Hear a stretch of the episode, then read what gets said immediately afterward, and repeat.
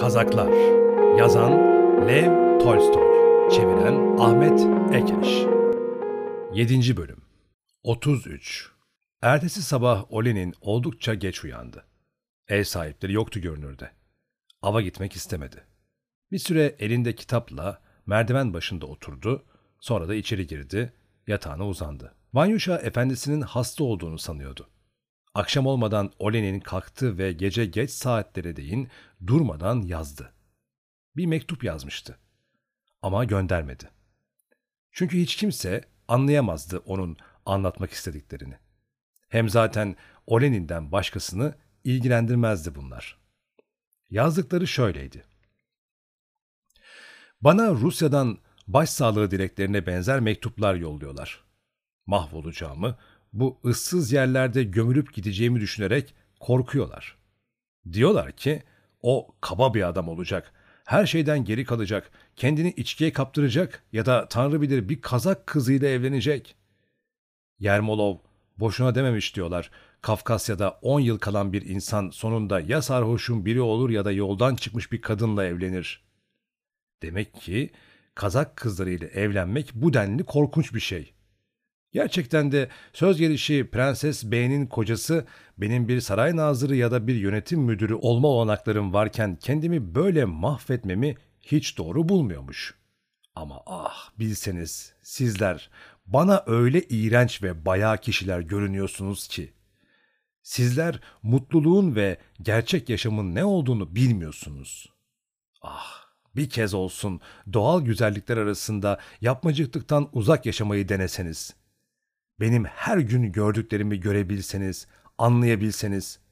O sonsuzluğa erişmek istercesine uzanan dağları, o Tanrı'nın elinden ilk çıkmış kadın gibi ilkel bir güzellik içindeki soylu, göz kamaştırıcı kızı bir görebilseniz. İşte o zaman belki anlayabilirsiniz gerçekten kimin yaşadığını. Kimin kendisini yalanlarla dolu çevrede harcadığını. Acaba siz mi doğru yoldasınız yoksa ben mi? O zaman anlardınız gerçeği. Yanılgılarla dolu yaşamanızdan dolayı hepiniz benim gözümde acınacak, düşkün yaratıklar olarak görünüyorsunuz. Kimi zaman şu kulübemi, ormanımı ve aşkımı düşünüyorum. Sonra da sizin yaşamınız geliyor aklıma. O türlü türlü losyonlar sürüştürmüş, başka kadınlara ait takma bukleleri saçlarının arasına iliştirmiş kadınlarla dolu salonlar. O yapmacıklı sözlerle kıpırdayan ince dudaklar. O doğal görünümünden çıkmış renkli, güzel kumaşlar altına gizlenmiş çelimsiz vücutlar. O sözüm ona sohbet olarak kabul etmek zorunda kaldığınız salon gevezelikleri. Anımsadıkça derin bir tiksinme uyanır içimde. Gözlerimin önünde o donuk, sevimsiz yüzler canlanır. Sanki insana önemli değil, yanıma yaklaşabilirsin. Gerçi zengin bir gelin sayılırım ama der gibi bakan kızlar. Aracılık yapmaktan, utanıp sıkılmaksızın çiftleri bir araya getirmekten çekinmeyenler. Bitmez tükenmez salon dedikoduları. Kime elini uzatacaksın, kime yalnızca başını sallamakla yetineceksin, kiminle oturup sohbet edebileceksin, bütün bunlar kurala bağlanmıştır. Bir sürü saçmalık. Sonra kuşaktan kuşağa süre gelen, neredeyse insanın kanına işleyen can sıkıntısını düşünüyorum. Bir de bütün bunların çok yerinde, çok doğru olduğuna inananlar geliyor gözlerimin önüne. Oysa ki şunu anlayın yeter. Doğru ve güzel olan nedir? Evet yalnızca bunu anlamanız, bilmeniz yeter. İşte o zaman söylediğiniz ve düşündüğünüz her şey gerek kendiniz gerek benim için belirttiğiniz mutluluk dilekleriniz de yok olacak. Toz gibi dağılıp gidiverecek havada. Gerçek mutluluk doğayla baş başa kalmak, onu görmek, onunla konuşabilmektir. Bana içtenlik de acıyor ve Tanrı korusun basit bir kazak kızıyla evleniverir, böylece toplum için tamamen yitirilmiş bir kişi olur diye düşünüyorsunuz. Ama isteğim bu işte. Sizin anladığınız anlamda tamamen mahvolmak, o basit diye nitelediğiniz kazak kızıyla evlenmek. Yazık ki bunu yapmak yürekliliğini gösteremiyorum. Çünkü böylesi tüm mutlulukların üzerinde bir mutluluk. Benim aslında layık olmadığım bir mutluluk olur. Kazak kızı Maryanka'yı ilk gördüğüm günden beri 3 ay geçti. İlk karşılaşmamızda içinden yeni çıktığım çevrenin anlayışı ve yanlış inançları henüz taptaze duruyordu içimde.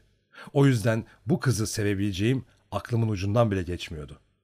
Ona tıpkı dağlara, göğe bakar gibi hayran hayran bakıyordum. Ama tersini düşünmek elimden gelemezdi. Çünkü Maryanka gerçekten doğa kadar üstün güzellikteydi. Sonra onu seyretmenin günlük yaşantımın vazgeçilmez bir gereksinmesi olduğunu anlamaya başladım. Seviyor muydum? Ama şimdiki duygularımla, eskiden sevgi olarak kabul ettiğim duygular arasında hemen hemen hiç benzerlik yoktu. Evlenmek isteği, platonik bir aşk ya da cinsel bir tutku değildi bunlar. Onların hepsini daha önceden tatmıştım. Hiçbiri değildi. Yalnızca onu görmek, onun sesini, yakınlığını duymak benim için bir zorunluluktu. Gerçi yanımdayken belki mutlu değilim ama huzur içinde oluyordum. Hele ellerimizin ilk kez birbirine değdiği o eğlenti gecesinden sonra aramızda kopması olanaksız, itiraf edilmemiş, açığa çıkarılamamış ama karşıda koyulamayan bir bağ, bir ilinti kurulmuş oldu. Kendi kendime soruyordum. Acaba iç dünyamı hiçbir zaman anlayamayacak olan bir kadını sevebilir miydim? Acaba bir kadın sırf güzelliği için sevilebilir mi? Acaba bu bir heykeli sevmekten farklı olur mu? Ama bütün bunlara rağmen yine daha o zaman sevmeye başlamıştım onu. Kendisiyle ilk kez konuştuğumuz o eğlenti gecesinden sonra aramızdaki ilişkiler apayrı bir biçime dönüştü. Önceleri benim için yabancı ama son derece güzel bir doğa olayıydı. Şimdi ise aradaki perde çekilmişti. Onunla sık sık karşılaşmaya, konuşmaya, kimi zaman da babasıyla birlikte çalıştığı bahçelere gitmeye başladım. Akşamları evlerine uğruyor, çoğu zaman gecenin geç saatlerine değin oturuyordum. Bütün bu yakınlaşmalara rağmen yine de o benim gözümde her zaman aynı ölçüde temiz, ulaşılması olanaksız, yüce bir varlık olarak kalmaya devam etti. Hep aynı biçimde gururlu, sakin, neşeli ve ilgisiz bir tavırla karşılık veriyordu bana. Kimi zaman da şefkatle hareket ederdi. Ama bakış, söz ve davranışlarıyla bana karşı hiçbir bağ olmadığını açığa vurur gibiydi. Ne var ki bu ilgisizlikte bir yüksekten bakış sezilmiyordu. Yalnızca insanı büyüleyen, ezen bir soyluluk okunuyordu. Dudaklarımda yapmacık bir gülümsemeyle ona olduğumdan apayrı bir biçimde görünmeye, içimde yanıp tutuşan tutkumu gizlemeye ve şakalar yapmaya çabalıyordum. Gerçi yapmacıklığı anlıyordu ama yine bana karşı oldukça doğal ve neşeli bir tavır takınmasını sürdürüyordu. Durum dayanılmaz olmaya başlamıştı. Ona yalan söylememek, düşündüğüm ve içimden geçirdiğim her şeyi anlatmak istiyordum. Öylesiye heyecanlıydım. Birlikte bağda bulunduğumuz bir gün açıldım kendisine. Aşkımı ilan ederken öyle sözler söyledim ki şu anda anımsamaktan bile utanıyorum. Çünkü bu hiç de doğru bir davranış değildi.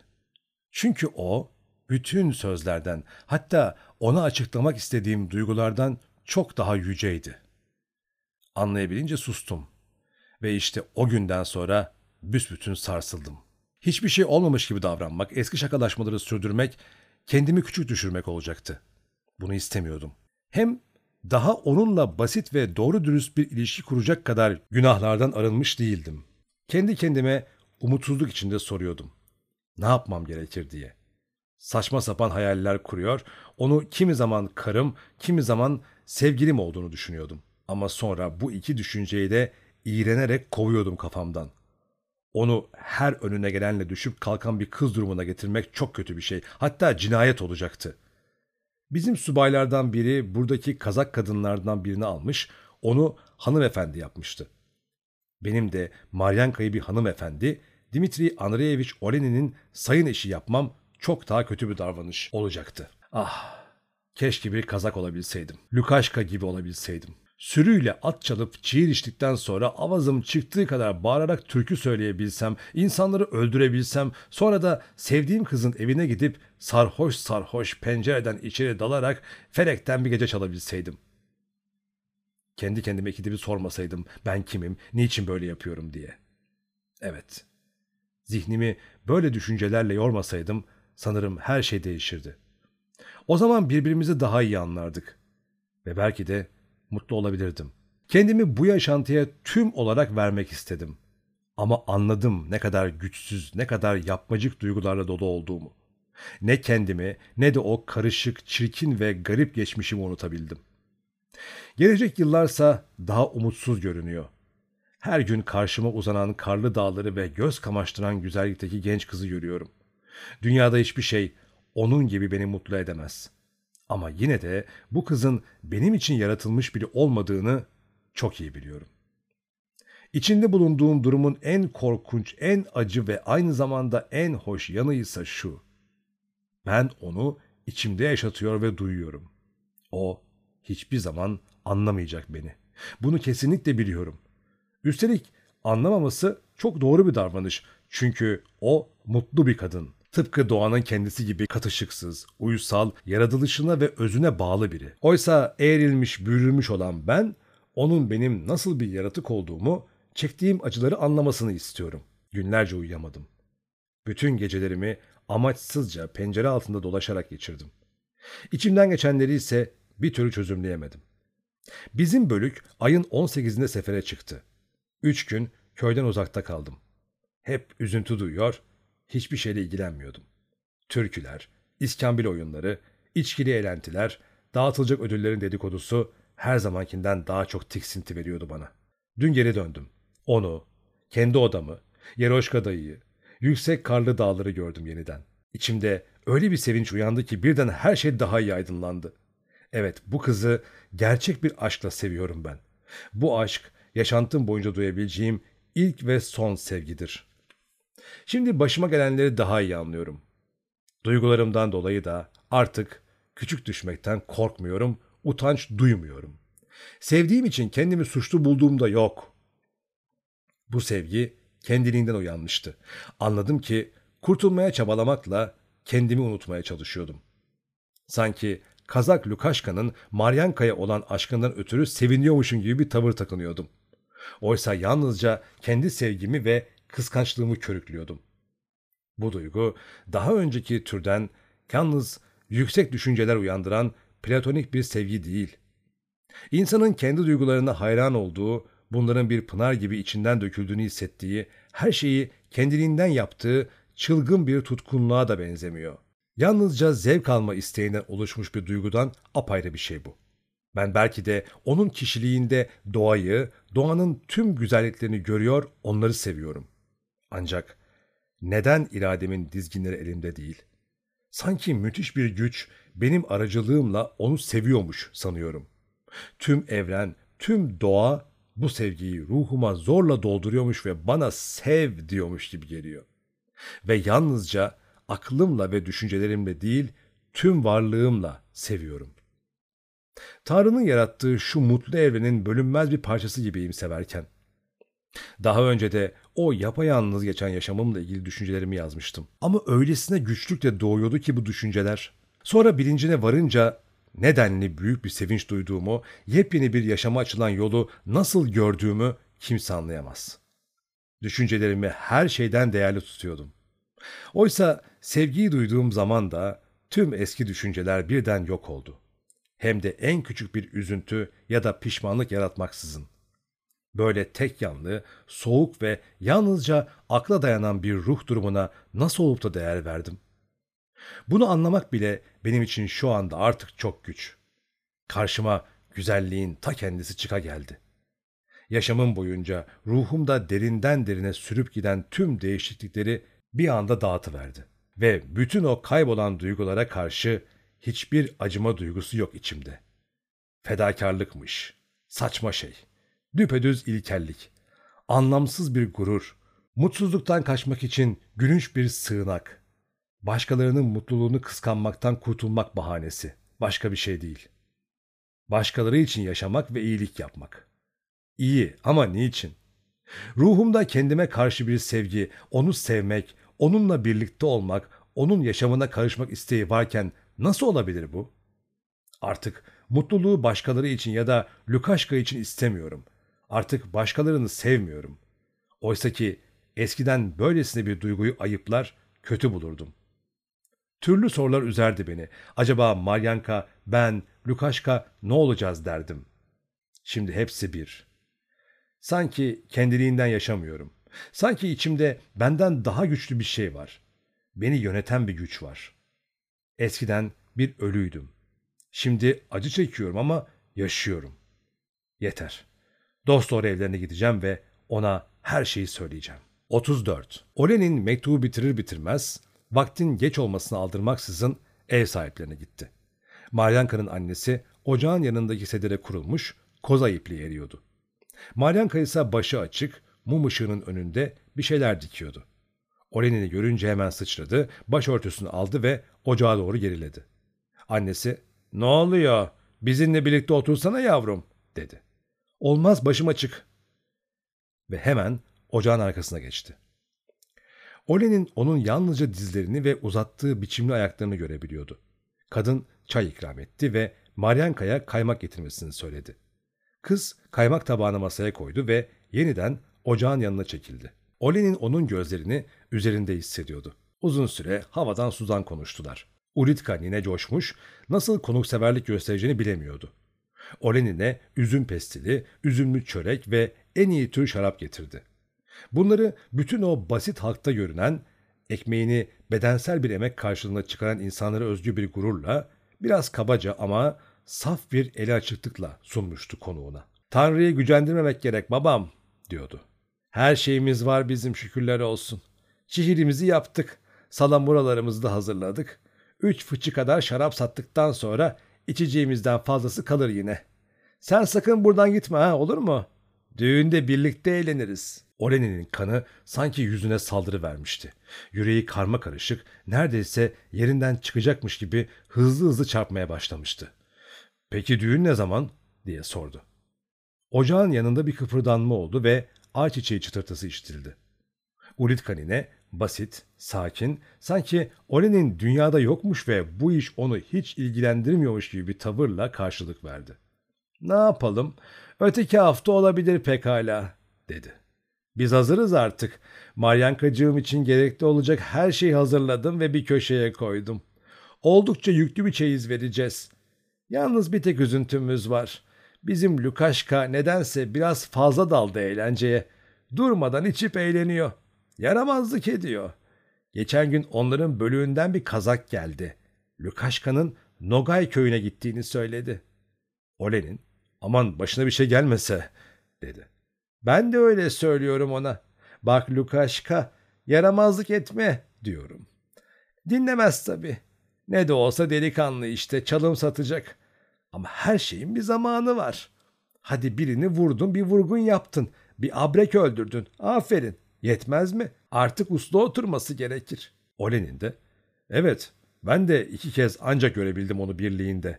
Hep gezip tuzuyor. Atını da satmış sanırım dedi ve ocaktan yana baktı. Kapkara, iri gözler sert sert dikilmişti ona. Hiç de dostça bir bakış değildi bu. Olen'in söylediklerine ötürü utanmıştı. Malyanka birden ne olmuş yani dedi. Kendinden başkasına bir kötülüğü dokunmuyor ki. Kendi parasıyla gezip eğleniyor.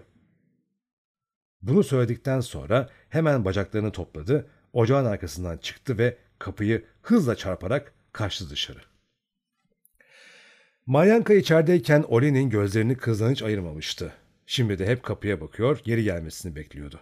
Ulitka ninenin söylediklerindense hiçbir şey anlamıyordu. Birkaç dakika sonra içeri konuklar geldiler. Önde Yeroşka dayıyla Ulitka ninenin kardeşi olan yaşlı bir kazak, arkada ise Ustenka ile Maryanka vardı. Ustenka, iyi günler geçirebiliyor musunuz? diye bağırdı ve Olenin'e dönüp, bakıyorum hep keyfiniz yerinde. Olenin nedense içinde bir utanç, bir huzursuzluk duyuyordu. Evet yerinde sayılır diye karşılık verdi. Sonra çıkıp gitmek istedi. Ama gidemedi. Hiç ses çıkarmaması da olacak şey değildi. Neyse konuk ihtiyar koşmuştu yardımına. İçmek istediğini söylemişti. Birlikte içmeye başladılar. Olenin, Yeroşka ve öbür ihtiyar birbiri peşi sıra kadehleri boşalttılar. İhtiyarlar gitgide coşuyor, Olenin ise yüreğinin sıkıştığını duyuyordu. İki genç kız ocağın yanına çekilmişler, bir şeyler fısıldaşarak onları izliyorlardı. Hep birlikte gece yarısına değin içtiler. Olenin hemen hiç konuşmuyor ama herkesten çok içiyordu. Kazaklara gelince durmadan bağırışıp duruyorlardı. Kadın onları evden kovmak istiyor, artık çihir vermeyeceğini söylüyordu. Kızlarsa Yeroşka dayıyla alay ediyorlardı. Sonunda herkes evin kapısına çıktığı zaman saat onu bulmuştu. İhtiyarlar eğlenceyi Oleni'nin evinde sürdüreceklerini söyleyerek kendi kendilerini davet ettiler. Ustenka koşa koşa evine gitti. Yeroşka dayı ise ihtiyar kazağı Vanyuşa'nın yanına götürdü. Ulitka nine İzbuşka'ya gitmişti. Derliği toparlamak için. Maryanka evde yalnız kalmıştı. Olenin kendini her zamankinden daha dinç ve daha güçlü hissediyordu. Sanki uykudan yeni uyanmış, çevresinde olup biten her şeyi ve kimin nereye gittiğini yeni kavrayabilmişti. Önce ihtiyarların önden gitmeleri için onlara yol verdi, sonra da geri dönerek Maryankaların evine girdi. Kız yatmaya hazırlanıyordu. Olenin ona yaklaştı ve bir şeyler söylemek istedi. Ama bir türlü ses çıkmıyordu boğazından. Maryanka yatağın üzerine oturdu, ayaklarını altına alarak genç adamdan elden geldiği kadar uzağa çekildi ve ta köşeye büzüldü. Sonra da hiç sesini çıkarmadan çekine çekine yabani bir bakışla Olenin'e dikti gözlerini. Anlaşılan ondan korkuyordu. Olenin de anlamıştı bunu. Kıza acımaya ve davranışından ötürü kendi kendini ayıplamaya başladı. Ama yine de kızın içinde hiç olmazsa bu duyguyu uyandırabildiği için gururla karışık bir sevinç duymaktan alamadı kendini. Maryanka diye başladı söze. Bana hiç acımayacak mısın yoksa? Ah, seni nasıl sevdiğimi ben de bilmiyorum. Maryanka biraz daha geri geri çekildi. Vay, şarap insana neler de söyletiyor, dedi. Benden sana bir yarar olacağını umma boşuna. Hayır, bunu söyleten şarap değil. Lukaşka ile evlenme. Seninle ben evlenmek istiyorum. Olen'in bir yandan da düşünüyordu. Neler söylüyorum ben böyle? Acaba bu söylediklerimi yarın da tekrarlayabilir miyim? Yine içinden gelen bir ses cevap verdi ona. Söylerim elbette. Olduğu gibi söylerim. Hatta şimdi bile tekrarlayabilirim. Sonra Maryanka'ya benimle gelir misin Maryanka diye sordu. Maryanka ciddi bir tavırla bakıyordu ona. Sanki biraz önceki korkusu geçmiş gibiydi. Olen'in sürdürdü konuşmasını. Maryanka aklımı yitireceğim neredeyse. Kendimde değilim. Sen ne emredersen hemen yaparım. Elinde olmadan çılgınca tatlı sözler dökülüyordu dudaklarından. Maryanka Oleni'nin uzattığı eli sımsıkı tuttu ve ''Neler saçmalıyorsun?'' diye kesti sözünü. Ama yine de Oleni'nin elini geri itmiyor, güçlü, sert, nasırlı parmaklarının arasında sıkıyordu. ''Hiç beyler benim gibi köylü kızlarıyla evlenir mi? Hadi git artık. Gelir misin benimle? Ben her şeyi...'' Maryanka gülerek ''Peki Lukaşka'yı ne yapacağız?'' dedi. Olenin kızın tuttuğu elini kurtardı ve onun körpe vücudunu olanca gücüyle sardı. Ama Maryanka ala geyik gibi sıçradı, çıplak ayaklarıyla fırladı ve koşarak merdiven başına çıktı. Olenin birden kendini toparladı ve yaptığı davranıştan ötürü korktu. Yine kendisini çok daha bayağı ve iğrenç bir yaratık olarak görüyordu. Ama söylediği sözlerden dolayı bir an bile pişmanlık duymadı. Dostor evine gitti. İçen ihtiyarlara dönüp bakmadan yatağına uzandı ve çoktan beri hasret kaldığı derin bir uykuya daldı. 35. Ertesi gün bayramdı. Akşama doğru herkes yeni giysilerini giymiş olarak batan güneşin ışıkları altında pırıl pırıl sokaklara döküldü. Her yılkinden çok daha boldu bu yıl şarap. Halk tüm işlerini bitirmişti. Kazaklar bir ay sonra sefere çıkacakları için birçok aile düğün hazırlıklarına girişmişti. Köy muhtarlığının bulunduğu alanda iki dükkanın önünde her yerden çok birikmişti halk. Bu dükkanlardan birinde türlü çerezler ve ayçiçeği, ötekinde ise başörtüsü ve basma gibi şeyler satılıyordu. Muhtarlık binasının önündeki toprak sıraya yaşlılar oturmuştu. Sırtlarında kurşuni ve siyah renkli, süssüz ve sırmasız, ağır başlı kolsuz kaftanlar vardı.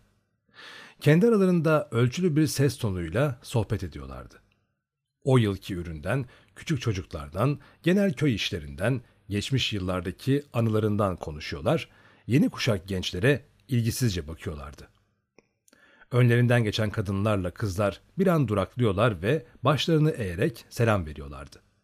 Genç kazaklarsa adımlarını yavaşlatıyor ve kalpaklarını çıkartarak bir süre giymeden ellerinde tutuyorlardı.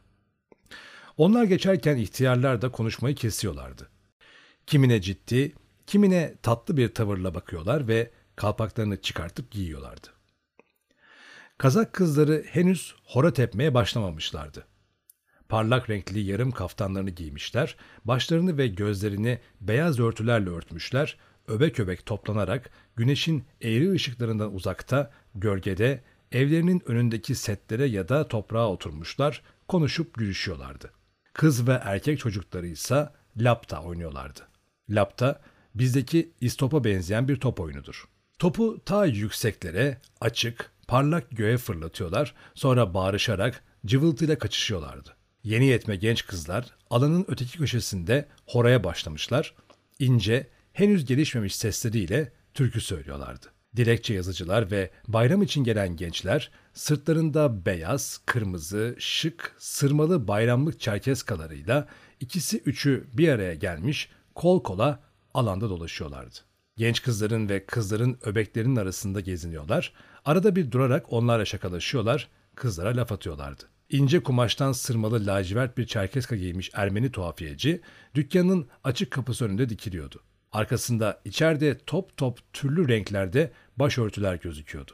Adam kendi önemini bilen doğulu bir tüccar kibiriyle müşteri bekliyordu.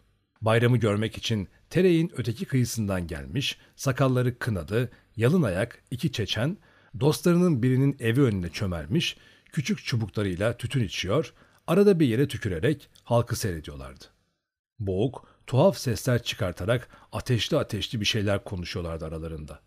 Arada sırtına yeni bayramlık kaputunu giymiş, eski püstü giysili bir asker hızlı adımlarla alanda toplanmış kalabalığın önünden geçip gidiyordu. Yer yer uzaktan uzağa kendilerini eğlenceye kaptırmış kazakların içkili seslerle söyledikleri şarkılar işitiliyordu. Bütün evler boşalmıştı. İhtiyar kadınlar bile sokaklara dökülmüşlerdi. Yer yer ayak altına karpuz kabukları, kabak çekirdekleri atılmıştı. Hava sıcak ve kıpırtısızdı. Açık gök masmavi ve berraktı. Çatıların arasından gözüken dağların donuk, beyaz tepeleri hemen yakındaymış gibi geliyordu insana. Batmakta olan güneş pembe bir görünüm almıştı. Arada sırada ırmağın karşı kıyısından uzaktan uzağa top gürlemeleri duyuluyordu. Köyden yankılanan şen sesler uzaklara doğru yayılarak dalgalanıyordu. Olenin bütün sabah avluda dolaşmış durmuştu.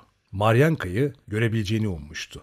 Kız önce giyinip süslenmiş, küçük kiliseye dua etmeye gitmişti. Sonra da arkadaşlarıyla birlikte evin önündeki bir sete oturmuş, çekirdek çıtlatmaya başlamıştı.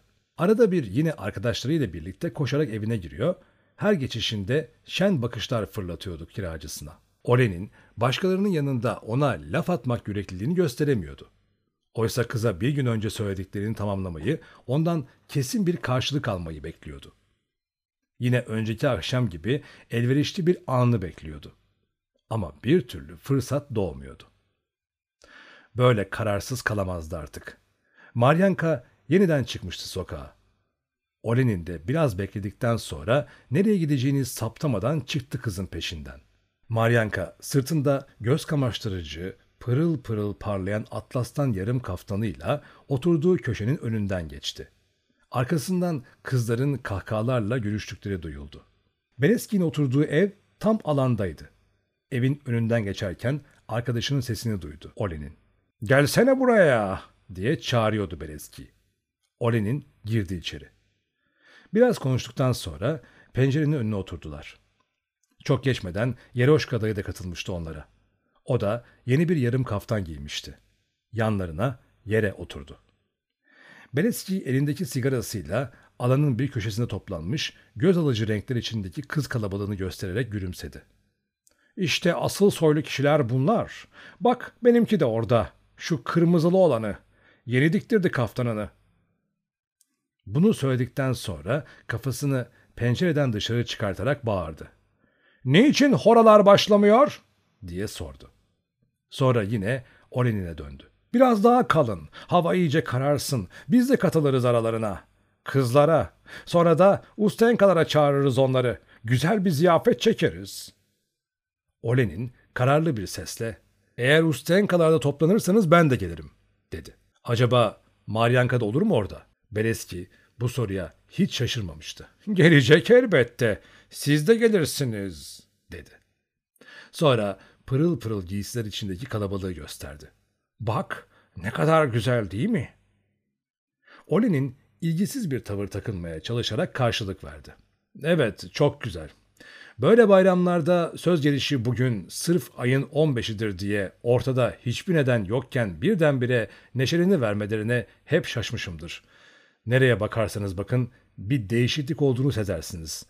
Gözlerde, yüzlerde, seslerde, davranışlarda, giysilerde, havada hatta güneşte bile. Tam bir bayram havası. Oysa bizde artık bayram diye bir şey kalmadı. Beleski bu tür fikir yürütmelerden hiç hoşlanmazdı. Evet, diye onayladı ister istemez. Sonra Yeroşka dayıya dönerek sordu. Sen niçin içmiyorsun ihtiyar? Yeroşka dayı Olenin'e Beretski'yi göstererek ''Bu senin dostun kendini beğenmişin biri, değil mi?'' diye sordu. Beretski bardağını kaldırdı. ''Allah bırdı'' dedi ve içti. Allah bırdı, Allah verdi demekti ve Kafkasya'da birlikte içki içerken kullanılması gelenek olmuş bir deyimdi. Yeroşka dayı da ''Sağ ol ''Sağ ol'' dedi gülümseyerek ve bardağındaki içkiyi bir dikişte yuvarladı. Yerinden kalktı ve pencereden bakarak Olenin'e ''Sen buna bayram diyorsun ha?'' Dedi. ''Hiç böyle bayram olur mu? Ah sen o eski bayramları görseydin nasıl eğlenirdik. Kadınlar sırtlarına sırma işlemeli sarafanlar giyerek çıkardı. Sarafan kolsuz kadın giysisi demektir. Göğüslerine iki sıra altın dizerek dolaşırlardı. Başlarındaki kokoşniklere de altın takarlardı. Yanında bir kadın geçerken şıngırtılar duyardın. Her kadın bir prenses gibiydi. Bazen de sürüyle çıkarlardı sokağa, şarkılar söylerlerdi. Her yer çınlardı. Bütün gece eğlenirlerdi. Erkekler şarap fıçılarını sokağa çıkartır, çevresine toplanırlardı. Sabahlara değin içerlerdi. Ya da el ele tutuşur, sokaklardan sel gibi akıp giderlerdi. Yolda kime rastlarlarsa rastlasınlar hemen aralarını alırlar, evden eve dolaşırlardı. Bir bayramda üç gün sürmüştü bu eğlence. Birinde babam yüzü kıpkırmızı olmuş, karnı davul gibi şişmiş, şapkasını düşürmüş, kaybetmiş olarak gelmişti eve. Kendini hemen yatağa bırakıverdi. Zavallı anneciğim durumu kavrar, babama taze havyar çihir getirirdi hemen. İyice keyfini çıkarsın diye. Sonra da koşarak dışarı çıkar, sokaklarda kalpağı arardı. Babam o durumda iki gün kalkmadan uyurdu bazen. İşte böyle adamlar vardı eskiden. Bir de şimdikilere bak. Beleski, peki kızlar da sarafan giyerler miydi? diye sordu. Yalnız mı eğlenirlerdi onlar? Evet, yalnız. Bazen kazaklar yürüyerek ya da atla gelirlerdi yanlarına. Gidelim, kızların horalarını bozalım derlerdi.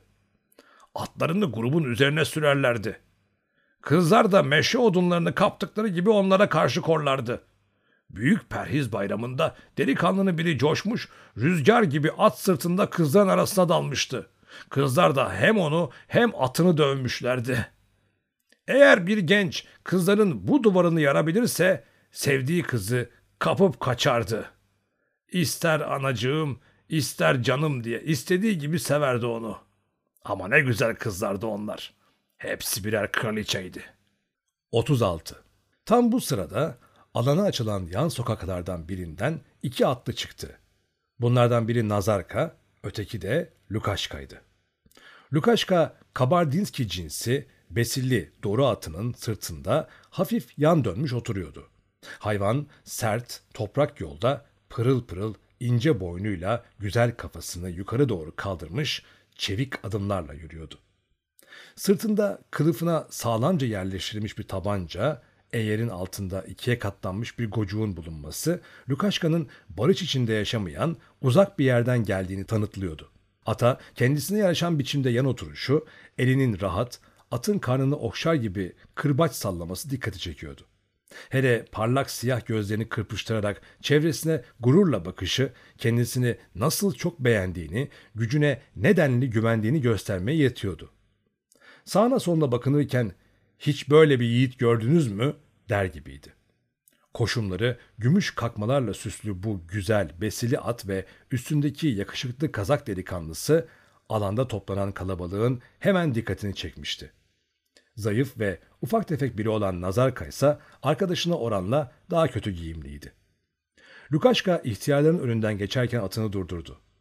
Dipten kesilmiş siyah saçlarını örten beyaz kıvırcık astragan kalpağını çıkardı. Çatık kaşlı, somurtkan, zayıf bir ihtiyar, ''Ne oldu? Epeyce nogayatı çalıp getirebildin mi?'' diye sordu. Lukaşka başını öte yana çevirerek, ''Herhalde saymışsındır dede.'' dedi. ''Ne diye boşuna soruyorsun?'' İhtiyar büsbütün suratını asarak, ''Yanındaki delikanlıyı da boşuna taşıyorsun yanında.'' dedi. Lukaşka kendi kendine, ''Bak sen, her şeyi biliyor.'' diye mırıldandı. Birden yüzünde düşünceli bir anlatım belirmişti. Yalnız Kazak kadınlarının toplandığı köşeye baktığı zaman neşesi yerine geldi ve atını onlardan yana sürdü. Gür bir sesle ''Merhaba, iyi günler kızlar'' diye seslendi ve birden durdurdu atını. ''Ben görmeyeli ne kadar da ihtiyarlamışsınız cadılar!'' Gülmeye başladı. Kalabalıktan neşeli sesler yükseldi. ''Merhaba Lukaşka, merhaba abi, çok para getirdin mi? Kızlara biraz çerez alıversene. Uzun süre kalacak mısın? Çoktandır görmedik seni. Lukaşka kırbacını havada savurarak atını kızların üzerine doğru sürdü. Nazarka ile birlikte felekten bir gece çalmaya geldik. Maryanka'yı dirseğiyle dürten, ince sesiyle gülmekten kırılan Ustenka, Maryanka da seni tamamen unuttu artık, dedi. Maryanka atın önünden biraz geriye çekildi. Başını arkaya doğru attı, parlak, iri gözleriyle uysal uysal baktı Lukaşka'ya. Gerçekten de çoktandır gelmedin. Ne o? Atına mı çiğneteceksin beni? diye sordu soğuk bir sesle. Sonra arkasını döndü. Lukaşka görünüşe göre çok neşeliydi. Yüzü coşkuyla, sevinçle parlıyordu. Maryanka'nın soğuk karşılığı anlaşılan şaşırtmıştı onu. Birden kaşlarını çattı. Aklına takılan kötü düşünceleri kovmak istiyormuş gibi ''Atla üzengiye de dağlara kaçırayım seni yavrum!'' diye bağırdı. Sonra üzerinde cambazlıklar yaptığı atını Maryanka'ya doğru sürerek ''Bak seni öyle bir öperim ki, öyle bir öperim ki görürsün.'' dedi genç kıza doğru eğilerek. Maryanka'nın gözleri Lukaşka'nınkilerle karşılaştı. Kızardı ve geriye doğru çekilirken bağırdı. ''Hay Allah cezanı versin! Ayaklarımı ezdireceksin!'' Sonra başını öne eğdi, yan tarafında ok biçimi bir çizgisi olan mavi çoraplarına ve simle işlenmiş yepyeni kırmızı çarıklarına baktı. Lukaşka Ustenka ile konuşmaya başladı. Maryanka ise çocuğunu kucağına almış bir genç kadının yanına oturdu. Bebek tombul elini uzatarak kızın koynuna uzattı. Lacivert yarım kaftanın üzerinde pırıl pırıl parlayan altınların geçirilmiş olduğu ipliği yakaladı. Maryanka çocuğun üzerine eğildi ve Lukaşka'ya doğru baktı. Bu sırada Lukaşka çerkeskasının altından siyah gömleğinin cebinden içi çerez ve ayçiçeği çekirdeği dolu bir mendil çıkardı. Maryanka'ya gülümseyerek baktı ve sonra mendili Ustenka'ya uzattı. Gülerek, ''Bunu hepiniz için getirdim.'' dedi. Maryanka'nın yüzünde yine bir coşkunluğun izleri belirdi. O şahane gözleri buğulanmış gibiydi sanki. Başındaki örtüyü daha da aşağıya, ağzının üzerine doğru çekti. Birden başını bebeğin bembeyaz yüzüne bastırdı ve ihtirasla öpmeye başladı. Zavallı bebek hala onun boynundaki altın paraların dizildiği ipi sımsıkı tutuyor, Maryanka'nın dimdik göğüslerini minicik elleriyle itmeye çalışarak dişsiz ağzını açıyor, olanca gücüyle bağırıyordu. Çocuğun annesi, ''Ne yapıyorsun, boğacak mısın?'' dedi. Çocuğu Maryanka'nın elinden kurtardı, meme vermek için yakasız kaftanın önünü açarken bağırdı. ''Sen asıl delikanlının gönlünü etmeye bak.'' Lukaşka atını kırbaçladı. Önce şu atı bir bırakayım da Nazarka'yla yine geliriz dedi. Bütün gece eğleneceğiz nasıl olsa. Sonra kızının yanından ayrıldı. Nazarka ile birlikte yan sokaklardan birine saptılar ve yan yana duran iki eve doğru yaklaştılar. Lukaşka komşu avlunun önünde atından indi. Nazarka'ya geldik işte kardeşim dedi. Hadi çabuk tut elini. Sonra atını dikkatle avlunun çitten yapılmış kapısından geçirdi. Bu arada dilsiz kız da gelmişti sokaktan. Herkes gibi onun sırtında da bayramlık giysileri vardı. Lukaşka, merhaba Stepka, dedi. Sonra da el kol işaretleriyle ata saman vermesini ama eğerini çözmemesini anlattı. Dilsiz kız uğultu gibi bir ses çıkardı. Atı göstererek dilini şapırdattı ve hayvanın burnunu öptü. Bu hayvanı beğendiğini, sevdiğini gösteriyordu. Lukaşka eliyle tüfeğini tuttu ve evin önündeki basamaklardan çıkarak ''Merhaba anneciğim'' diye seslendi. ''Ne o? Yoksa sen daha sokağa çıkmadın mı?'' Yaşlı kadın kapıyı açınca şaşırmıştı. ''Aa hiç beklemiyordum, ummuyordum. Kirka da senin gelmeyeceğini söyledi.'' ''Bana biraz çihir getirsene anneciğim. Biraz sonra Nazarka gelecek. Bayramı kutlayacağız.'' Yaşlı kadın ''Şimdi Lukaşkacığım şimdi'' dedi. ''Bizim koca karılar da eğleniyorlar. Ben de giderim. Bizim dilsiz gitti zaten.'' Böyle söyleyerek anahtarları aldı ve İzbuşka'ya gitti çabuk çabuk. Bu sırada atını ve tüfeğini bırakan Nazarka Lukaşka'nın evine girmişti. 37. Lukaşka annesinin getirdiği dolu çihir kasesini dikerken Nazarka dürttü kendisini. Bak şu işe. Burlak dede ne söyledi? Çok çalıp getirdiniz mi diye sordu. Anlaşılan o biliyor. Büyücünün biridir o. Sonra kafasını sallayarak hem bilsene çıkar dedi. Nasıl olsa ırmağa geçti atlar. Arada bul. Olsun ama yine de bilmemesi gerekir. Nedenmiş o? Neyse sen ona yarın biraz çihir götür. Eğer böyle yaparsak bir şey olmaz. Hadi şimdi eğlenmemize bakalım. Hadi iç. Lukaşka bu sözü tıpkı Yeroşka dayı gibi onun sesini taklit ederek söylemişti. Sokağa çıkacağız, kızlarla eğleneceğiz. Sen de in bal al. Ama ben dilsizi göndereyim daha iyi.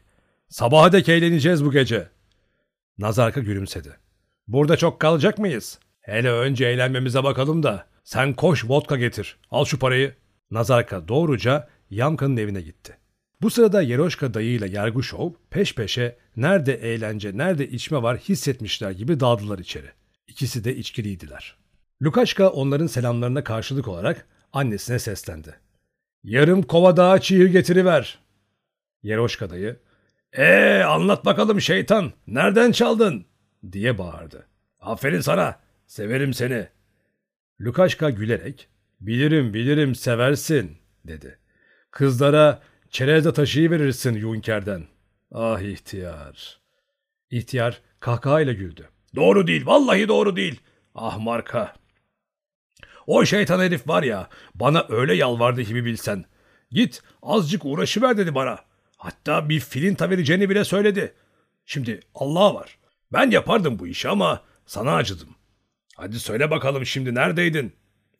Yeroşka bu son cümleyi Tatarca sormuştu. Lukaşka çekinmeden cevap verdi ona.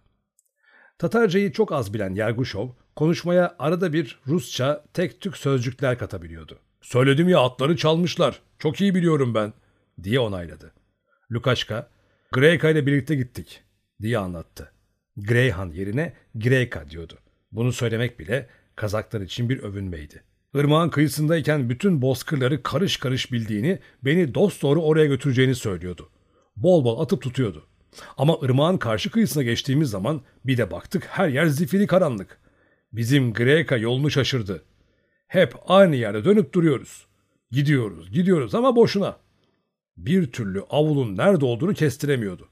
Demek ki asıl yoldan biraz sağ yana doğru gitmiştik. Hemen hemen gece yarısına değin boşu boşuna dolaştık. Yolumuzu aradık. Neyse ki köpekler ulumaya başladı da... Yeroşka dayı, ah bu dalalar dedi. Biz de kimi zaman bozkırın ortasında yolumuzu yitirirdik. Şeytanlar alsın bulabilirsen bul yolu. O zaman bir tümseye çıkar, kurt gibi ulumaya başlardım. İşte böyle. Arkasından ellerini ağzının iki yanına götürdü ve sanki hemen yakında bir kurt sürüsü varmış gibi hep aynı tonda ulumaya başladı. İşte böyle. Bu sesi işittiler mi bütün köpekler avlamaya başlarlar, dedi. Neyse hadi sen anlat bakalım. Sonra ne oldu? Atları bulabildiniz mi? Evet bulduk. Nogay kadınları neredeyse Nazarka'yı yakalayacaklardı. Üf be. Bu arada dönüp gelen Nazarka, evet yakalayacaklardı, dedi gücenmiş bir tavırla. Derken yeniden yola koyulduk diye sürdürdü anlatmasını Lukaşka. Greka yine şaşırdı yolu. Az daha yine o korulara götürecekti. Biz hep tereye yaklaşıyormuşuz gibi geliyordu. Oysa durmadan uzaklaşıyorduk. Yeroşka dayı, sen de yıldızlara bakarak bulsaydın ya yolunu. Yargıçov da karıştı söze. Elbette ben de öyle diyecektim işte. Yıldızlara mı bakaydım? O zifiri karanlıkta istediğin kadar bak hiçbir şey görmezsin ki. Epeyce uğraştım ve düşündüm. İyice yorulmuştum. Sonunda kıssaklardan birini yakaladım, boynuna bir ip bağladım, kendi atımı da serbest bıraktım. Belki at bizi doğru yola götürür diye düşündüm. At ne yaptı biliyor musun? Bir soludu, bir daha soludu, burnunu toprağa sürttü ve sonra dört nala koştu önümüze geçti. Bizi dost doğru köye getirdi işte. İyi ki başardı bunu yoksa neredeyse hava ışıyacaktı. Atları da ormana saklayabildik. Sonra da karşı kıyıdan bir nagim geldi ve aldı atları. Yerguşov başını salladı. Ben söylemiştim ya çok iyi bir iş başarmışlar. Çok mu bari? Lukaşka elini cebinin üzerine vurarak işte bütün paralar burada dedi. Tam bu sırada annesi içeri girdiğinden sözünü tamamlayamadı. Yeroşka dayı biz de Girçik'te bir gün böyle geç vakit çıkmıştık yola diye anlatmaya başlayınca da Lukaşka atıldı. Ee sen başladın mı bir türlü bitmez. Ben gidiyorum artık. Maşrapa'daki son şarabını da içti, belindeki kemeri sıktı ve kendisini sokağa attı.